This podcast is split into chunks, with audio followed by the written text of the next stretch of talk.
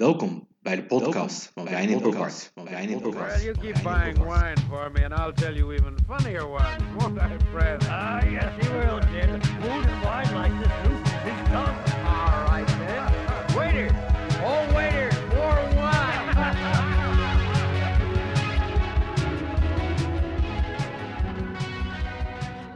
Vandaag verwelkomen we op ons fort Andy Robinson, de wijnmaker van Zagatio Wine Estate uit Sonoma County in Californië. Andy werkt al 15 jaar als hoofdwijnmaker bij Zagatio en heeft als zijn achtergrond chemical engineering. Een techneut dus, maar met een groot hart voor wijn. It all began for the Sagazio um, family in the 1880s, and it started with Eduardo Sagazio. Uh, he was actually a winemaker in Piemonte and was hired to come over to California and work for the Italian Swiss colony um, in 1880. And what they what they did there was they had a work program where he would work for three years. Um, the company would would save his his wages for them, and then at the end of the three years, they could get paid out and they could go back to Italy, or they could sign on for another three years. Um, and the goal with that was that he was there to not only make the wines, but also to train, you know, the local um, the local people on how to make great wines. And so he did that. He actually stayed three three work terms. Um, he stayed for nine years, and then instead of going back to Italy, uh, he met the owner's niece who had just come over, um, Angela, and they fell in love, got married, and they had the opportunity to buy some land in Sonoma County. So he bought uh, his first uh, bit of acreage, 56 acres, that became known as our home ranch. And that's central um, Alexander Valley, just north of Geyserville. Uh, so it's a beautiful spot. What we find is that that is one spot where the fog tends to stop. Um, so we have this mix of it's a warm area, but it does get a little bit of a, a cooling influence on some days, but not every day. And he planted his first vineyard in 1895 to Zinfandel. Um, That's still running, hè? and that's still and we still farm that vineyard that's about seven acres um, and it makes up a wine that we call home ranch and that's a, a single vineyard zinfandel from the home ranch and um, in addition to that he planted other vineyards but the of the two that we still farm today that are the same as he planted them um, was one called chianti station that we named chianti station um, in honor of the the railroad station that's that uh, was in the middle of it. So back in those days in the 1800s, the train that ran through Sonoma County, all the different stops were named after parts of Italy. So we have Roma Station, Asti, Chianti, Barbera. The Chianti Station stop was at the home ranch.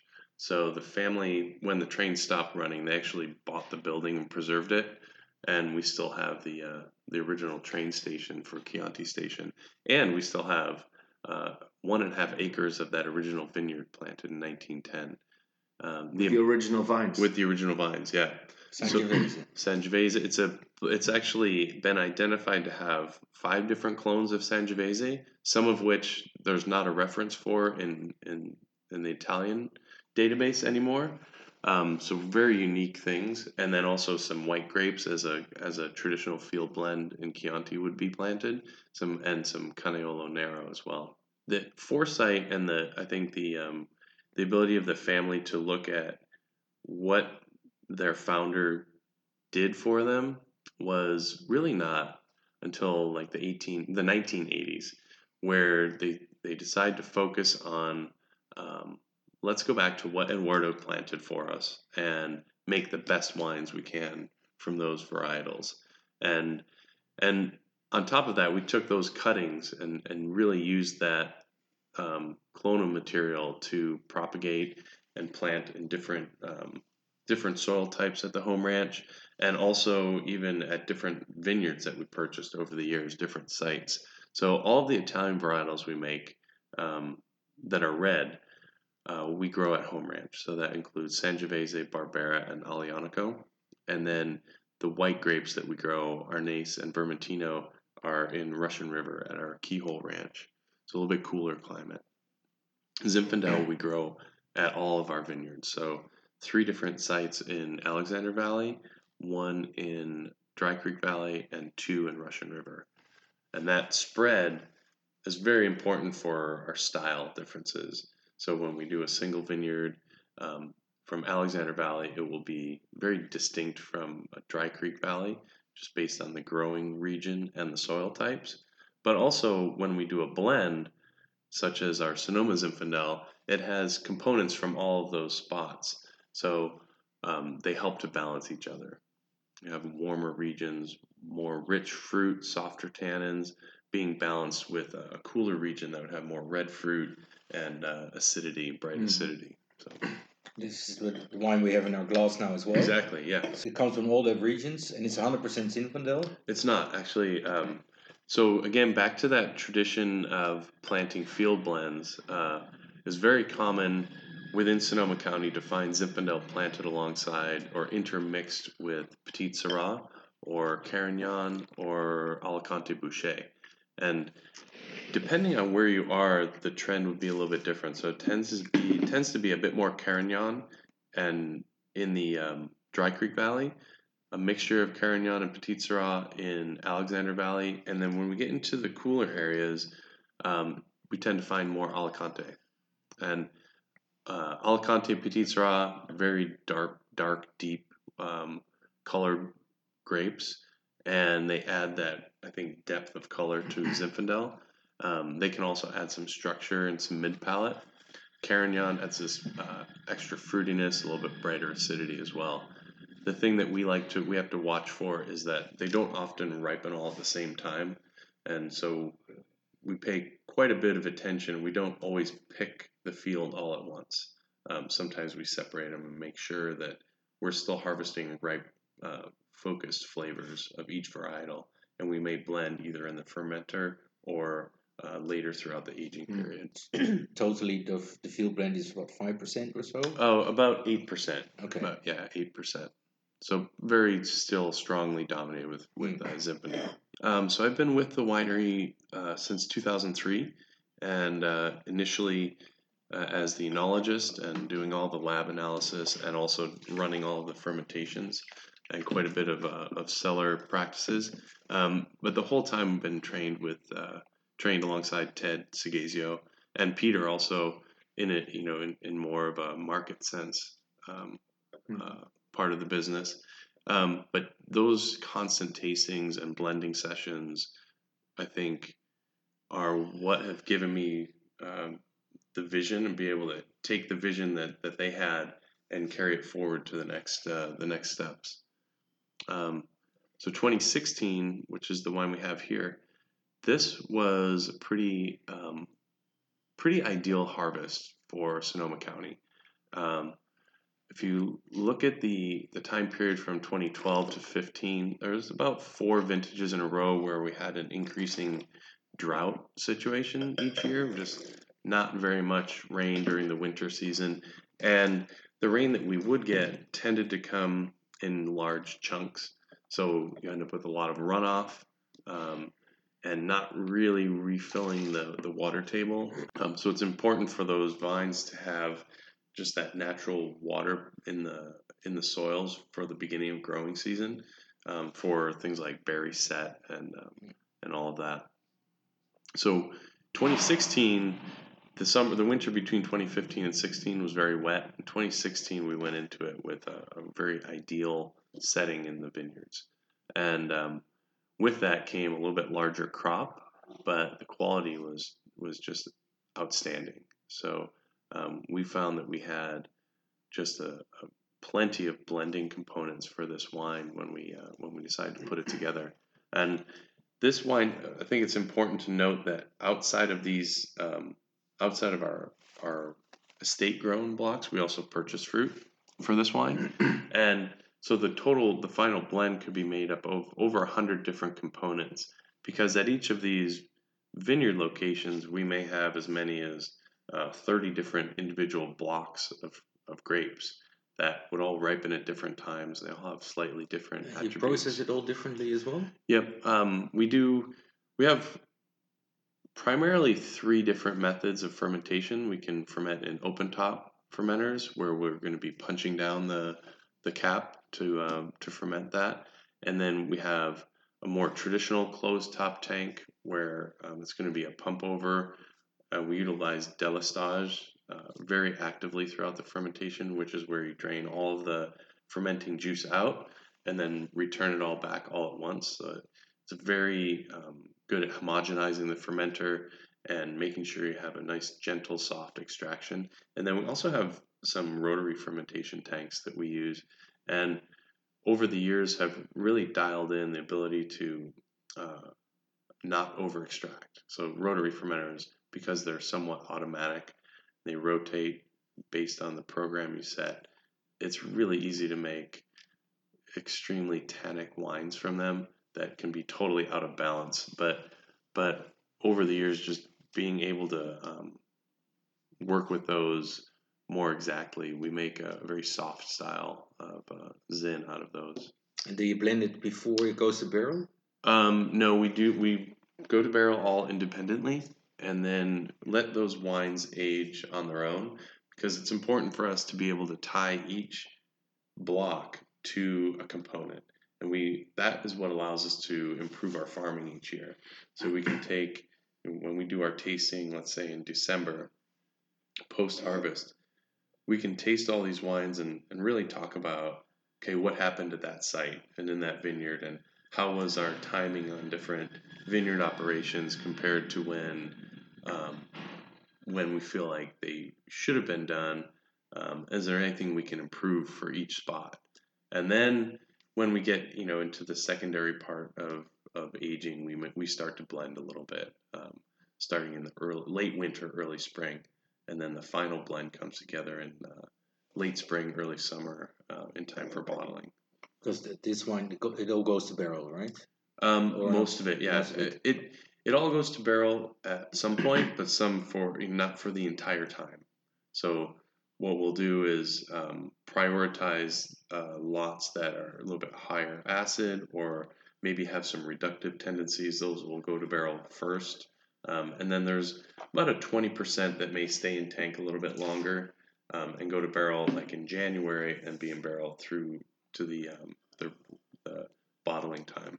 Yeah, because you don't use a lot of new barrels, and you said only twenty percent or so. And for this, yeah. is it all French or how, what's the percentage so of oak? For this wine, actually, we use more American oak. Um, only about eight percent new, um, and then uh, the the neutral oak would be a mixture of French and American, um, and that would be in barrel for about uh, eight eight to ten months altogether. Ten months altogether. The reason we do that is this wine is very important uh, where we're focusing on the fruit. So that rich, um, soft fruit characteristic, um, we need to preserve that in the wine. I think that's that's a main attribute of this wine that that introduces people to Zinfandel. And American oak tends to integrate a little bit quicker uh, with the wine. So if we find that it's well integrated, the fruit is preserved at about nine to ten months and then we're in a good position to be able to blend it and bottle it. Whereas, like with our with our other Zinfandels that are really structurally, they need a little bit more time in barrel. Um, we prefer to use French oak on that. That French oak integrates more slowly, but it's more at its peak integration at 14 to 16 months, and then that works well with the, the timing of bottling for those wines. And why is this typical Zinfandel? For a lot of people, this is the staple. This is a state. I think. Um, I think because of our sourcing and our and where we grow our vineyards, I think we cover the entire spectrum of Zinfandel uh, ripe fra- fruit flavors. So we have this red raspberry characteristic that shows all the way to the dark fruit like dark plum, blackberry, black cherry, and also there's uh, a freshness and a vitality in the wine that is really a result of the acidity that's that's naturally present in the grape. I think the balance of those attributes is really what makes it a, a somewhat of a benchmark Zinfandel. Because it's, it's always a bit high in alcohol, eh? Mm-hmm. Zinfandels. Uh, do you need to, is it a natural yeast that, that can handle that kind Mhm. of uh, alcohol There's- There's a couple different um, things that we do. It's uh, the yeast that we use is one that's selected. It's been it's a it's a dried yeast, so we do inoculate with it, but it's been selected from vineyards um, in different areas of the world, and it will ferment to about 16, but not every time. And so that is always a, a thing to worry about with Zinfandel is that we need to be able to get the wines dry, and that if we're if we're working with a sweet wine, then uh, I think that we're not we're not taking the wine seriously enough. this is dry. It is less than So it's like under grams. two grams, yeah. Yeah. yeah. And that's our goal is to make sure a number one, the wines need to be dry. But we also find that due to that slower fermentation, um, more time without sulfur in the barrel and so and in the wine. So that's important because sulfur once you once you add sulfur to um, an aging wine, it, it's kind of like putting it in a time capsule, and it's going to age much more slowly, and it's going to stop the reactions between color and, and tannin that are are kind of building blocks for the ageability of the wine. So the longer in the beginning that you can go without stopping those reactions, the more ageable your wine can be later on. So it's almost um, it's something that we worry about, but on the other hand, if all of our wines were dry uh, out of the fermenter, I feel like we'd be cutting them short a little bit in their in their ageability. I guess we like to we like to live on the edge. We like deal with sweet wines in barrel, and it keeps us on our toes. And honestly, we keeps us tasting all the wines every week. So we, we really have a close connection with every lot that's in our cellar. So the, and this wine, the Sonoma Zinfandel, with the one with the blue cap, Mm-hmm. uh, that's your that's your bread That's- and butter wine as well. it is. It's It is the one. How much percentage of your total production would this be? Um, between 75 and 80% total production. I think it will be optimum to drink. I think this one is, is somewhat optimal at that. Actually, right now it's at four years, so I was going to say three three to five years. But um, this wine, as it tastes today, seems to have easily um, up to seven to ten. Mm. Yeah, which is not probably what I would say 15 years ago. I don't think we were that confident in how our wines aged. Um, the key for this wine is that it is more focused on the fruit. So once the fruit does start to fade, you you might have uh, different expectations for what it tastes like, but um, but as long as that that aging is gradual, I think that that it can age quite well. I Yeah. think there's a lot of people uh, think that Zinfandel is is overripe, plummy fruit with high alcohol and a bit of sweetness, and Yeah. yeah, and absolutely no backbone will just Right. become Ribena in a, uh, in a couple of years. yeah, yeah, and I think the having the the balance between that structure and the acidity really helps out this wine. Oh, and there is It- red fruit in it. Yeah, yeah, We, you've drank this wine all over the world. yeah. What is yeah. one of your What is your one of your favorite pairings? It can't be just steak. No, it's not just steak. I mean, I like the the pairings that are like more daring. Well, I, I think one of the interesting pairings actually we had yesterday that was pretty interesting. Um, they eat uh, quite a bit of deer in uh, in uh, Norway, and this was um, it was a deer tartare with Zinfandel, and it worked. It was a bit it was a bit on the saltier side, and the the the fruit of the Sonoma Zin really cut through the the dish and really worked well with it. Um, I would that was more of I would never think to do that at home, but I would say that um, our our chef at the winery has done lamb tartare as well, and it's pretty amazing. Um, again, not something I would make in my house, No. but, but when uh, when the professionals do it, um, it's worked really well with the with our wines. Hi, my name is Peter Janiak, Executive Chef at Seghesio Family Vineyards, and welcome to our winery kitchen. Today we'll be drinking Sonoma Zinfandel and pairing it with some sweet Italian sausage, putting that over some Parmesan polenta, and then finishing the dish with our pepperonata. This is our polenta bianca. It's white polenta we get from Italy, and then we finish it with just a touch of butter and Parmesan cheese. This is our house-made Italian sausage, flavored with uh, a little bit of fennel, chili flake, and white wine. And then once we have our sausage on top of the polenta, we'll add a little bit of our pepperonata, a mix of red and gold Corno di Toro peppers, slowly cooked down in olive oil with a little bit of yellow onion and garlic. And then we'll finish the dish with a little bit of Italian parsley. So we have a classic Seghesio Zinfandel served with a classic Italian dish of the sausage with the peppers over polenta.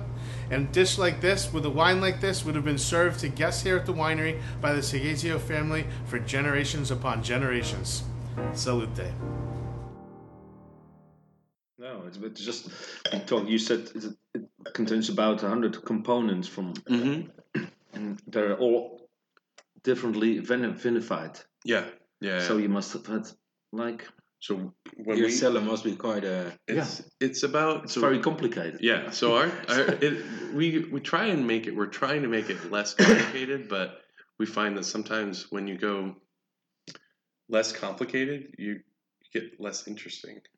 It's like the wine is interesting because I think because of all that.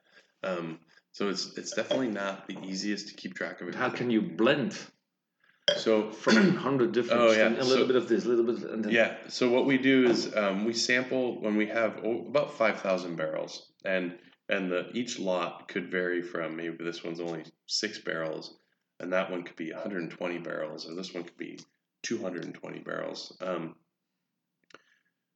it's all mathematics in the end, but when we taste when when we're doing our tastings, um, it's a lot of attention to detail with sampling because within that within that 120 barrels, let's just say, um, there's going to be some new barrels, um, some two to three year old barrels, and some neutral barrels. So when you get a sample of it, you have to be representative of what type of oak is in that is in that lot.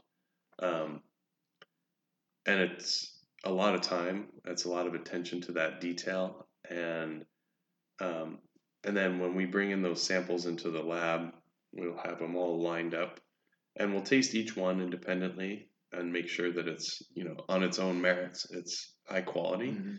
and then um, we just we look at the the mathematical uh, weighted percents that each one gives to that blend, and we'll put together a blend in the lab first, and use that as our like our tasting, our measure of our tasting, and um, when we go when we start to rack wines out, that's when we start to blend.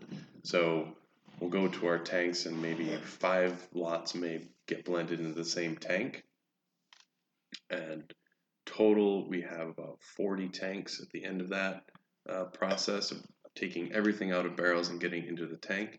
Well now we have instead of 100 now we have 40 components and then um, from there what we do is um, we make uh, measured moves from each of these tanks to blend into our blending tanks. And each of those blends gets treated as the, each one is now the same. And when we consolidate we have again less components. Mhm. so incredibly consistent uh, process without having any tanks that are we don't have one tank that's 200,000 gallons so all of the wine is never all in the same tank but um, it's quite quite a process we use uh, really accurate flow meters to do that and then also when we analyze you know we are constantly analyzing the blend tanks to make sure that everyone is the same Mhm. so yeah it's and then tasting as well so And it's Yeah. all handpicked. yeah yeah. And we haven't we've you know we've we've looked at some of the machine harvesting and i, I won't say that that's not in our future. It probably is at some point. Um, but with technology any technology like that like it you before you adopt it it needs to be perfect. It needs to be up to your standards. And i think for where we are with this wine we have a little bit more time to get there. Um, especially with zinfandel. So like thin-skinned rather fragile berries um, at the time of harvest. Um, so machine harvesting is uh, we need to be we need to be proven that it will work well for zinfandel before we go down that road. Okay, but can you explain where you get the uh, the pickers from? Oh yeah, so um, so we actually have a um, really well-established program uh, that we work with a uh, agricultural visa that's available in the U.S. So it's called the H-2A program. Uh, we have a 40 person. We have a 20 person um, uh, all year round labor staff in the vineyards that are um, that are based, you know, in Sonoma County, and then we have another uh, seasonal staff that's another 40 people. Uh, we have a house at the uh, labor complex at our home ranch that sleeps 40 people. Um, so it's all it's two two stories um, and bedrooms for everybody. And so what we do is with this program, we guarantee them a place to live, uh, transportation to all of our vineyard sites that are listed on the um, on the contract. So they actually have a contract with us. They can only work at our vineyard sites, and they can only do specific jobs. And um, then they're guaranteed a wage that's set by the Department of Labor in California, or actually in the U.S. And then um, what that does for them is it gives them security. They can get a bank account without being without you know fear um, of getting in trouble. They can get a driver's license. They can you know buy a car, um, and and also they can uh, you know for us it guarantees that we have labor at the time of harvest because that becomes a major issue in years where it's tight. Um, if you don't have a if you don't have your staff um, guaranteed, then you could end up losing uh, workers to other wineries. You know, in the heat of harvest because it's oh it's a fast harvest and we need more workers, and we never have that problem. And the true benefit to the quality of the wines is that we work with that's the same people every year. So we may lose one or two and pick up two, one or two new guys, but um, but they're all well trained because they've done it for 5, 10, 20 years. And they know our vineyards. They know how we farm and uh, how we expect to uh, them to them to work with the vines, and also then they can train the new the new staff mm. as well. And that kind of consistency, like so, consistency in the wine is is one thing, but it's not just winemaking. It goes all the way back to the grape growing, um, and it actually starts with the grape growing because if you're not if you don't have well trained staff, um, those you know the the lost time in retraining, the lost time and mistakes in the vineyard, um, just get propagated throughout the whole yeah. process. Yeah, definitely. Well, we just poured the other wine, the Old Vine, 2012. We have um, we have been tasting over the last uh, the last two weeks or so. I've tasted the 15, 14, 13, and this is the first time I've had the 12 in quite some time. It's showing really well. So old vine. I mean, in France we have that term, and I think mm. we can hmm. use it after 15 years or something like that. Yeah. How, how old is the vine? So that's the same thing in the U.S. Okay. Is that other some producers use it a little bit more nonchalant, and um, and we we set our limit at 50 years or older. 50. 50. Um, so what we find with the vineyards is that realistically, somewhere between 40 and 50 years, there's a there's a change in the vineyard, and it, it really seems to show in the quality of the fruit.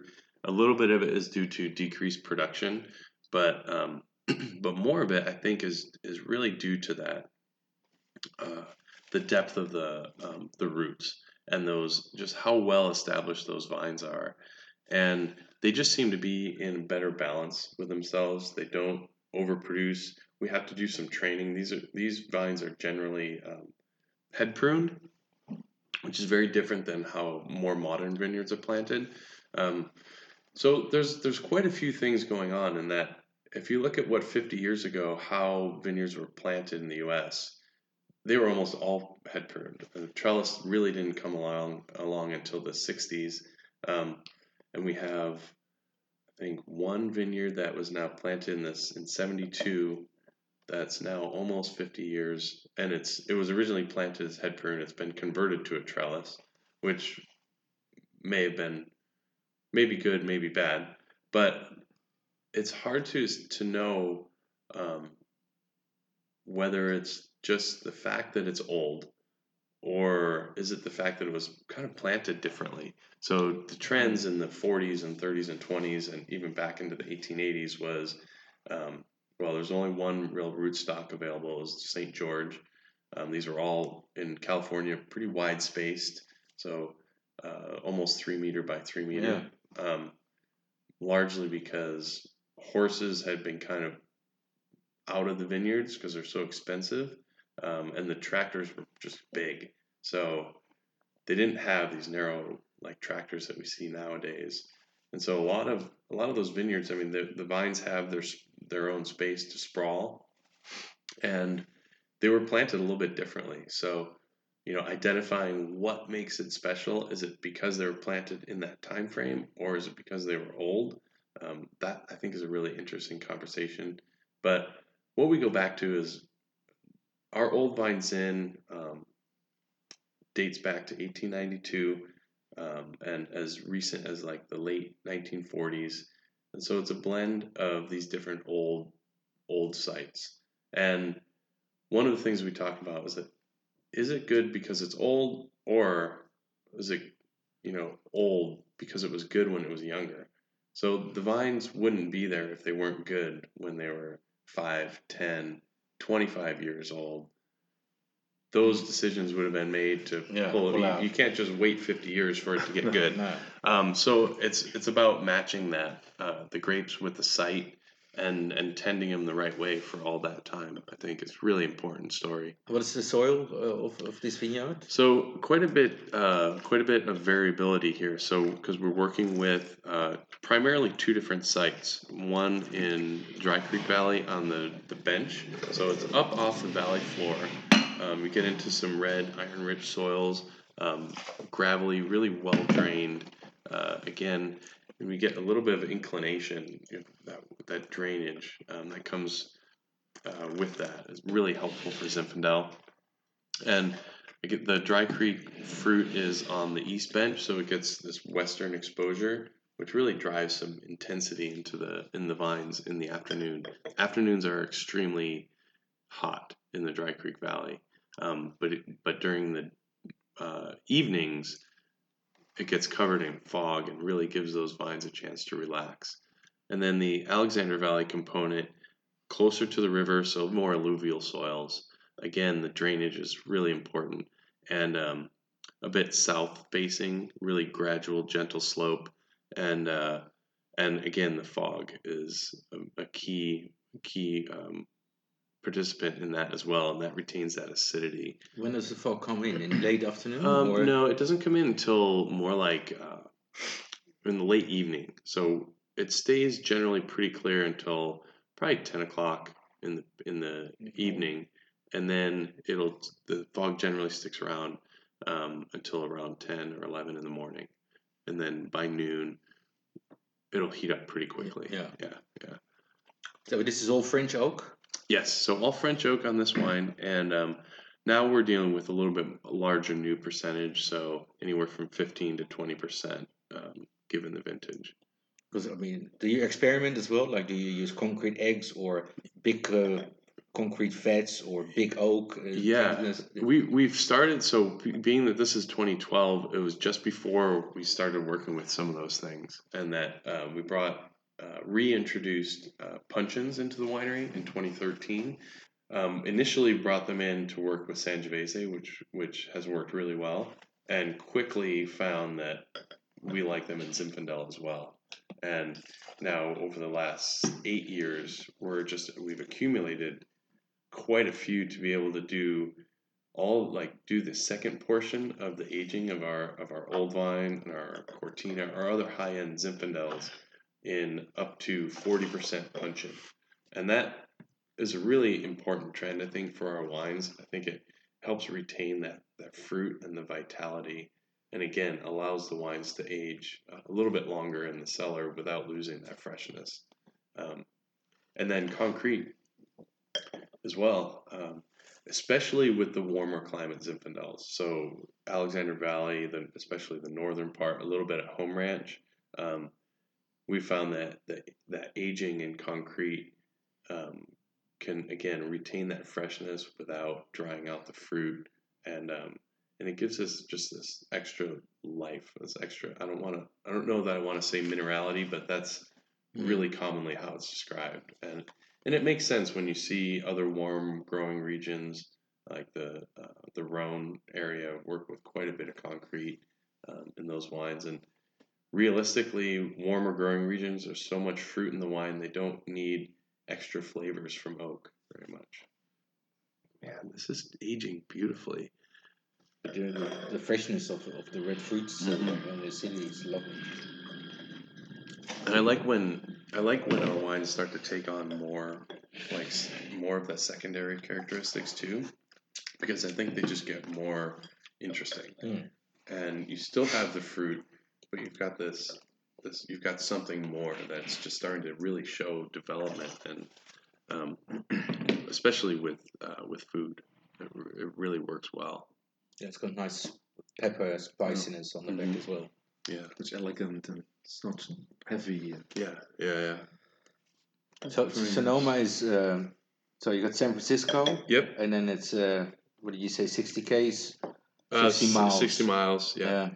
So it's ninety k's or something like that. so far so much. It's a little bit north Sonoma County. Um, the biggest city in the area would be Santa Rosa, and that's almost smack dab in the middle of uh, of Sonoma County. Um, so we're a little bit further north in Healdsburg. It's a it's a small town, um, but the and, and the winery is actually in town. So the actual winery has been there for over 120 years, and um, the family actually bought it at auction in the 1940s. Their the founding winery was at the home ranch, and that operated from 1895 until about 1960. So there was a period there where they made wine in two different facilities, and uh, and at that time, they really needed to do a lot of work to the the uh, the home ranch winery, and it would have taken you know quite a bit of money. And the the cooperage that we had in the Healdsburg facility was plenty, so we didn't really need to make wine at both places and maintain both facilities. So they moved all the production to Healdsburg, and then the town somewhat grew up around the winery, and that we're we're essentially on a street uh, next to residential houses. Oh really? and across from houses, and then one side of the street is all residential, and then our side is this this stretch that backs up against Foss Creek, which is just a, a feeder, like a stream Mhm. into the Russian River, and um, and so there's more land in between those streets than people generally realize, and the winery is uh, it's quite a large facility, but you just wouldn't guess it from the street. You ride your bike right by it, and you see the tasting room, and that's about it. Your, top wines, eh, which is the, the old vine, you get extremely high points Mm-hmm. in, uh, we in generally, US. yeah, we uh, generally, 93, do really well. 95 is Yep. it's quite uh, normal. Yep. For uh, and how do you see yourself? Because you've traveled quite a bit as well, in Europe. How do you see yourself in, in, in the in the wine world then yeah. positioned? Um, you know, w- one thing that has been interesting to me is that sometimes uh, I've tasted our wines blind in in a mix of just other wines from other regions in the world, and with some age on it, if you taste this wine blind, I think it's I think it's difficult to identify it as like a California Zinfandel. So what I've found is that if I'm if I'm just guessing and I don't obviously I don't know the wine is mine, um, but I'm, I'm trying to identify the wine. I, I would I identify as Mediterranean climate. It doesn't stand out to me as distinctly New World or, or Old World. Um, somewhere, you know, northern Spain, southern France, northern Italy. It, it could be you know it could be anywhere along there.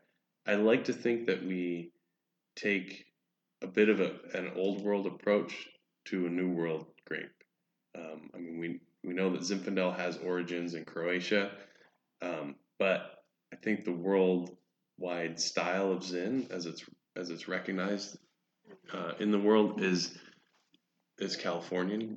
So it's it's interesting to see how it fits. Does it also because of that influence of Alberto Antonini, who sort of keeps that texture of the wine uh, in his in the I that think- the one he's used to. I think that's a bit of it, and I think it's it's also uh, you know Ted Seghesio and and his his palate as well, and and the training that I received you know received from him, in that we take you know when their their ancestry is Italian, and it seems like that somehow you know that somehow um, perseveres through the generations in the wine and the intent with the wines, um, and that we really would would like that them that they are identified uh, in an Italian sense.